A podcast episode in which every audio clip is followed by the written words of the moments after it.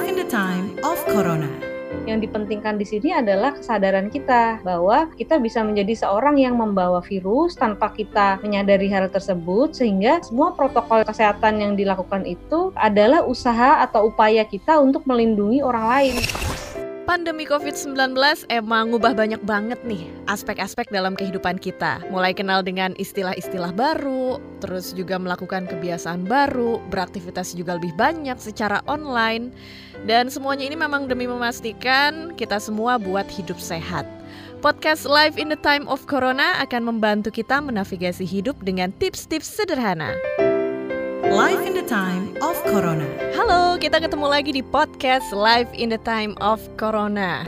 Saya Ines Nirmala, kali ini kita akan bahas topik soal siasat aman bersosialisasi dan podcast kali ini kita juga berkolaborasi bareng sama podcast Relatif Perspektif dan sudah ada narasumber kita yang terhubung yaitu Dr. Sela Putri Sundawa. Halo dokter.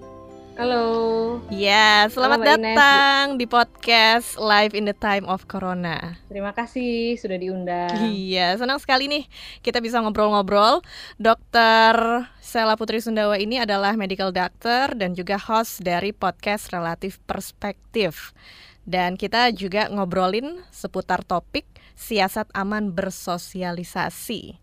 Dan ini kalau dihitung-hitung ya dok, kita udah masuk ke bulan yang Wah, udah banyak deh ya. Ini udah bulan keberapa deh kita hidup bersama COVID-19.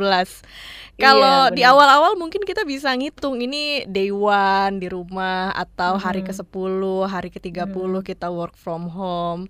Tapi sekarang juga lama-lama kita mulai bingung sendiri. Ini sebenarnya udah masuk ke hari keberapa gitu nggak sih, Dok? Iya, jadi eh, kadang saya ngerasa kayak bulan ini itu masih bulan April gitu. Saya ngerasa kayak bulan tuh berhenti di bulan April terus habis itu nggak tahu lagi karena eh, udah jadi semuanya beda semua gitu. Iya, kayaknya kita- kayak Kita menolak maju gitu ke bulan-bulan berikutnya maju, ya. Nah, ngobrolin juga seputar COVID, banyak peraturan yang berlaku untuk kita, mulai dari pembatasan sosial berskala besar (PSBB), ini sampai ke lingkungan sekitar rumah, tingkat RT, RW dan sebagainya. Dan bulan Juli kemarin ini juga jadi transisi bagi banyak kota, mulai ada pelonggaran di sana sini. Tapi yang ikutan jadi longgar nih soal protokol kesehatan. Dan ketika ini terjadi di tengah peningkatan kasus yang makin tinggi kan kita juga makin serem ya karena kasus COVID-19 di Indonesia juga meningkat seiring dengan pelonggaran. Nggak ada PSBB yang namanya pembatasan sosial jadi kayaknya ini pelonggaran sosial ya dok ya.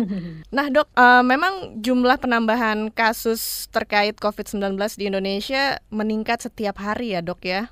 Iya, sampai saat ini memang jumlahnya masih terus bertambah. Yang saya ikuti dari uh, data dari Kemenkes ya, itu setiap hari uh, jumlahnya masih dikatakan terus meningkat gitu setiap harinya ya. Iya, bahkan kita sempat lihat juga di berita online atau di sosial media. Ini ada sebuah kabar yang bikin kita ngerasa tertohok juga kalau Indonesia dibandingin Cina. Ini sekarang jumlah orang Indonesia yang terkena pandemi COVID-19 ini jumlahnya lebih banyak melampaui Cina. Iya, itu sangat disayangkan ya. Ternyata jumlah kasus kita uh, lebih tinggi dari asal awal yang diduga virus ini berasal dari Cina gitu. Mungkin karena kalau dilihat kurvanya dari Cina kan kurvatnya plateau ya, udah lama, udah lama mereka plateau, tapi kita masih naik, naik, naik, naik terus. Jadi ya lama kelamaan kalau yang satunya jumlahnya nggak banyak bertambah, yang satunya terus bertambah ya pasti uh, menyusul ya. Iya, miris juga ya dok ya. Iya. Ngobrolin juga sekarang kita kan udah masuk ke normalan baru. Ada protokol kesehatan bagus, tapi kadang juga kita kangen sama temen, kangen sama keluarga. Akhirnya jebol deh tuh ya yang namanya pertahanan. Akhirnya memutuskan buat nongkrong bareng di kafe, makan ke rumah temen, pergi piknik. Atau sekarang yang lagi ngehits kan orang-orang suka naik sepedaan tuh bareng-bareng geng sepeda. Dan kita lihat ini semuanya di sosial media. Akhirnya karena banyak orang yang posting, kita jadi ngerasa yakin dan banyak juga mikir, oh udah aman ya kayaknya sekarang. Kayaknya kalau gua keluar rumah juga nggak apa-apa kali ya. Nah ya. Iya, ini kan Itu kayak kayak agak bahaya juga ya anggapan seperti itu. Hmm, kayak semacam jebakan Batman nih, Dok. Tapi nih, Dok, apakah memang sebenarnya sekarang udah aman atau memang sebaiknya kita tetap di rumah aja nih buat mengurangi kegiatan keluar rumah? Ya, jadi menurut saya ya sebenarnya sejauh ini yang kita kerjakan dari awal sampai uh, sekarang ini ada banyak pergeseran. Jadi kalau awal-awal kemarin mungkin orang-orang masih banyak yang karena ini kan baru sesuatu yang baru banget waktu di awal uh, masih lebih banyak takutnya gitu. Jadi karena rasa ketakutan itu mereka lebih banyak di rumah. Nah, karena makin lama rasa takut itu jadi hilang. Jadi banyak yang keluar rumah gitu dan sebagainya dengan melanggar banyak pembatasan sosial yang seharusnya kita lakukan. Nah, jadi sebenarnya yang salah di sini tuh anggapan kita bahwa dari awal ini kita melakukan itu karena ketakutan. Jadi harusnya kita melakukan ini semua itu karena kesadaran kita bahwa sebenarnya kita tidak ingin menjadi bagian yang e, menginfeksi atau yang terinfeksi gitu. Artinya kalau itu berangkat dari kesadaran karena kita sadar bahwa oh oke okay, ini uh, virus yang mungkin kalau mengenai saya tidak apa-apa karena saya masih muda mungkin ya akan banyak yang beranggapan seperti itu. Nah, tapi kita juga harus berpikir bahwa saya bisa menjadi orang yang membahayakan hidup orang lain. Jadi bukan karena saya takut saya sakit saja, tapi saya harus aware bahwa saya bisa menjadi seorang yang menyebabkan orang lain sakit gitu. Misalnya kalau saya tinggal dengan uh, nenek saya, maka nenek saya bisa sakit nih karena saya membawa virus. Jadi seharusnya yang kita tanamkan itu memang uh, ketakutan itu tidak tepat, tapi yang kita tanamkan adalah kesadaran kita bahwa kita bisa menjadi orang yang membahayakan untuk orang lain gitu. Iya, jadi buat dibilang aman ya saat ini ya belum juga ya. Mm -mm kita mesti Karena, waspada uh, juga so ya kondisi, dok ya. Uh, ya, jadi kan, nah ini susahnya virus uh, corona itu kan dia wabahnya dia cukup uh, infeksius dan orang yang terkena itu dia ada yang uh, sifatnya gejalanya hanya ringan sehingga dia mobilisasinya itu masih banyak keluar rumah bisa ke mana-mana gitu. Nah ini yang membuat dia penularannya lebih banyak ke orang-orang lain sehingga sebenarnya yang dipentingkan di sini adalah kesadaran kita bahwa kita bisa menjadi seorang yang membawa virus tanpa kita menyadari hal tersebut sehingga semua protokol yang kesehatan yang dilakukan itu adalah usaha atau upaya kita untuk melindungi orang lain gitu. Jadi kalau memang kita merasa orang yang sangat sehat, kita merasa orang yang tidak bisa kena, nah itu anggapannya bahwa jangan-jangan saya nih bisa bahaya nih untuk orang lain. Makanya protokol kesehatan itu sampai sekarang karena kasusnya masih banyak, tentunya kita harus jadi orang yang jangan sampai merugikan orang lain gitu. Benar dok, karena kita harus berangkat dari kesadaran bukannya dari ketakutan ya, dalam hal pandemi betul. ini ya. Tapi dok, ini juga kita dapat pengumuman dari WHO kalau COVID-19 ini sudah dibilang sebagai airborne atau menyebar lewat udara, dok. Iya, sebenarnya dugaan airborne itu kan sudah banyak waktu awal ya, sempat dipaparkan di beberapa penelitian. Cuman memang untuk menyatakan dari WHO itu kan suatu langkah yang sangat besar ya, karena dia harus benar-benar yakin bahwa jangan-jangan dugaan ke arah sana ini besar gitu, karena kan ini sesuatu yang baru ya. Jadi ya itu tadi sebenarnya karena apalagi ini ini sifatnya airborne, artinya bisa menular lewat udara, tidak hanya lewat droplet, artinya dia jangkauan penularannya itu tidak hanya yang kita dekat saja, tapi bisa jauh gitu. Uh, itulah makanya akan semakin penting lagi pembatasan sosial. Artinya kita uh, kalau berinteraksi dengan orang harus lebih berhati-hati. Misalnya uh, ada yang harus bekerja, yang uh, kerjanya tidak bisa work from home, harus bekerja di luar, maka ya itu kan uh, mereka tidak ada pilihan ya. Jadi dengan protokol yang ada itu harus dilakukan supaya mencegah dia terinfeksi ataupun menginfeksi orang lain. Iya, dan salah satu cara yang sangat dianjurkan ketika kita keluar rumah, beraktivitas, kerja itu adalah dengan menggunakan masker ya dok ya. Setuju. Bahayanya uh, ini kayaknya sekarang uh, udah pada malas pakai masker. Nah itu dia. Kemarin, iya kemarin tuh saya ngobrol deh sama teman saya. Jadi akhirnya kemarin di relatif perspektif kita bikin satu episode nih ngomongin salah satu alasan kenapa orang pak malas pakai masker nih terutama yang perempuan uh, itu karena bikin jerawatan oh gitu. setelah bikin pakai masker terus habis itu ya udah uh, dari akhirnya kita bikin tuh uh, podcast di relatif perspektif kita ngomongin kenapa orang yang mas pakai masker bisa berjerawat dan ternyata emang ada jerawat yang hubungannya karena terlalu lama memakai masker ada disebut namanya masni gitu. Jadi um, itu mungkin nanti kalau yang penasaran lebih lengkapnya tuh bisa disimak di uh, podcast di relatif perspektif yang episode itu. Iya, dokter bisa diceritain sedikit nih tentang podcast yang dikerjakan. Podcast relatif perspektif itu tentang apa sih? Podcast yang kayak gimana?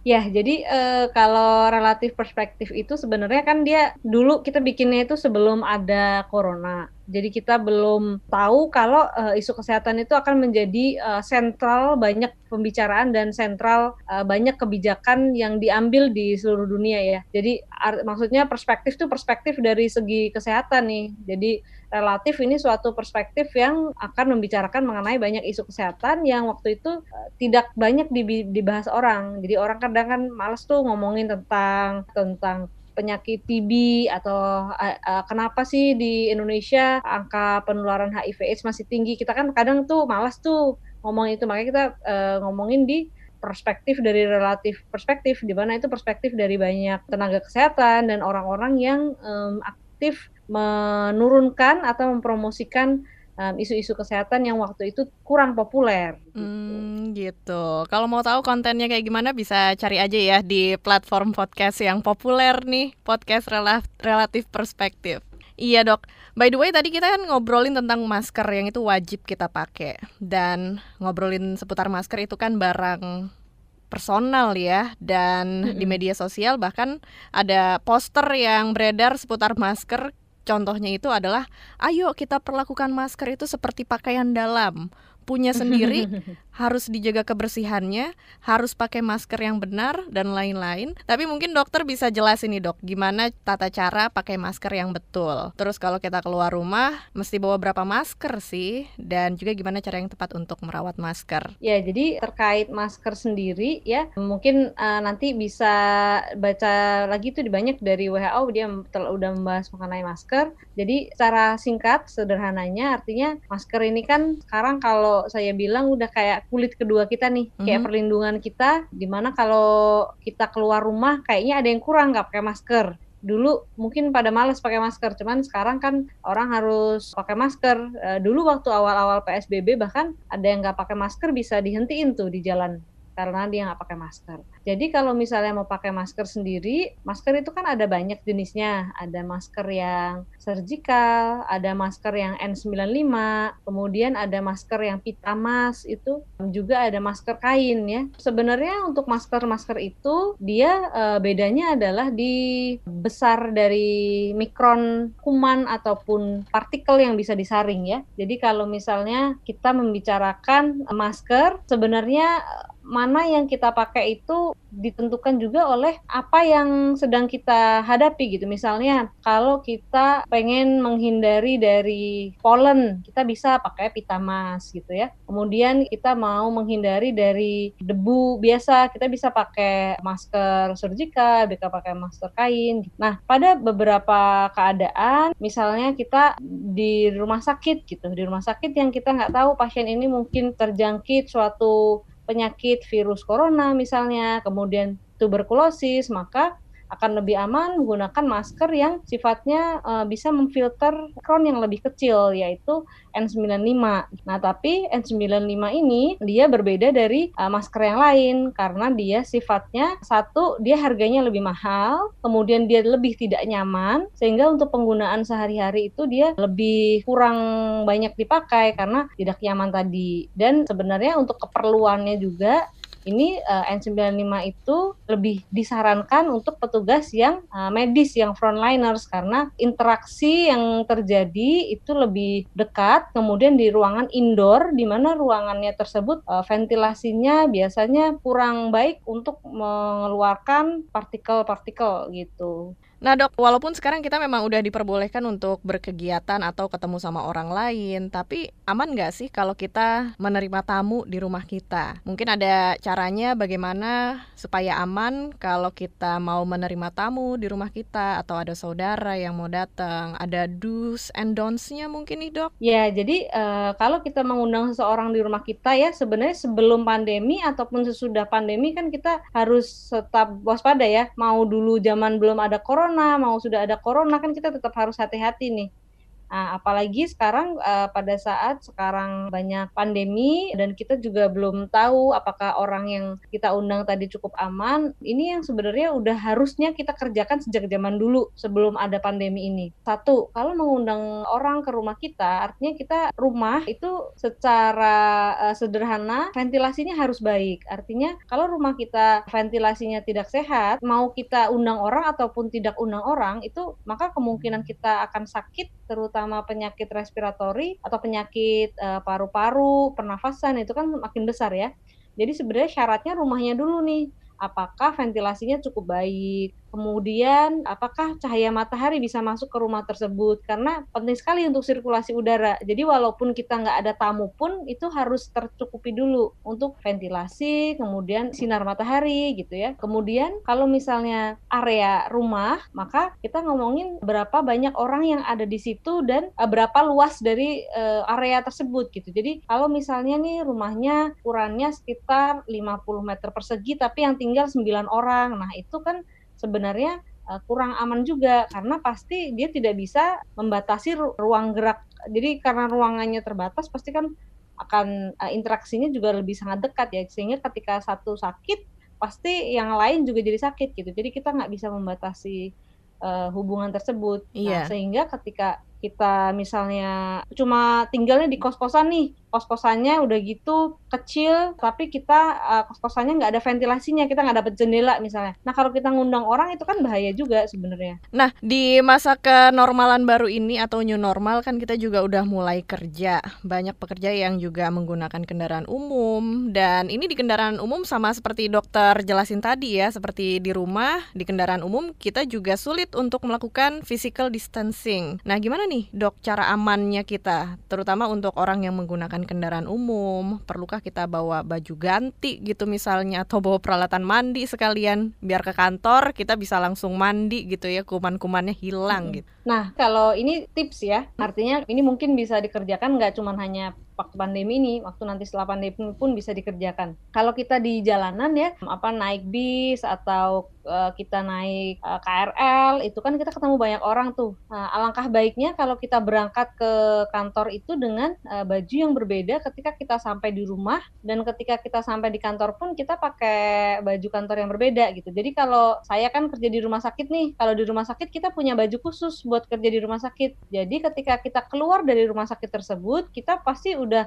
otomatis mandi, otomatis ganti baju. Jadi ketika udah nyampe rumah nanti bajunya udah beda. Dan kalau udah nyampe rumah pun sebelum ngapa-ngapain pasti harus langsung ke kamar mandi, ganti baju, cuci tangan, cuci kaki. Jadi um, itu mungkin harus perlu dibiasakan dari sekarang. Nggak cuma waktu pandemi tentunya. Nanti setelah pandemi pun kan misalnya nih virus corona jauh sudah berkurang, tapi kan masih banyak yang di jalan tuh ada debu, ada asap rokok jadi ketika kita pulang, uh, alangkah baiknya baju yang kita pakai itu berbeda ketika kita di jalan tadi. Oke, nah dokter, ini terakhir sebelum podcastnya kita sudahin, dokter punya tiga siasat utama deh ala dokter Sheila untuk aman bersosialisasi. Oke, gimana kalau... dok? menurut saya nih penting uh, jadi kalau kita mau bersosialisasi banyak caranya kan sekarang pastinya yang satu kalau misalnya masih memungkinkan untuk sosialisasi secara virtual terlebih dahulu itu yang kita kerjakan. Kemudian kedua nih misalnya mau olahraga. Olahraga uh, sekarang tidak harus misalnya uh, banyak yang mengeluhkan pakai olahraga di luar dengan masker itu sangat menyiksa ya. Jadi ya kita kerjakan dulu olahraga di rumah karena di rumah kan sudah banyak itu uh, apps-apps atau biasanya kan di YouTube tuh banyak video yang ngajak exercise di rumah gitu. Jadi itu uh, beberapa hal yang bisa kita kerjakan dan kalaupun kita misalnya keluar rumah, maka uh, pastikan tadi kalau kita keluar rumah kita pakai masker. Kalau saya sih ya, saya pasti pakai jaket, saya pakai masker. Uh, kemudian lebih penting lagi kalau ada face shield itu bisa dipakai. Jadi nanti ketika sampai rumah kita langsung uh, lepas face shieldnya, ganti maskernya, cuci uh, baju, uh, langsung diganti lagi bajunya. Jadi supaya uh, memastikan apa yang kita terpapar di luar tadi tidak masuk ke rumah gitu. Nah, itu dia siasat aman bersosialisasi dari Dokter Sela. By the way, Dok, terima kasih udah bergabung di podcast live in the time of corona. Selamat melanjutkan aktivitasnya dan sampai ketemu lagi ya. Mungkin kita bisa ketemu lagi di lain kesempatan berikutnya. Baik, sampai ketemu. Iya, dan terima kasih buat kamu yang sudah mendengarkan podcast live in the time of corona. Untuk ide dan masukan, silahkan email ke podcast at kbrprime.id dan tulis di bagian subjek podcast corona. Jangan lupa ikutin juga podcast yang cocok untuk curious mind kamu di kbrprime.id atau platform mendengarkan podcast lainnya. Ikuti kami di Instagram @kbr.id dan sampai jumpa di episode selanjutnya. Life in the time of Corona.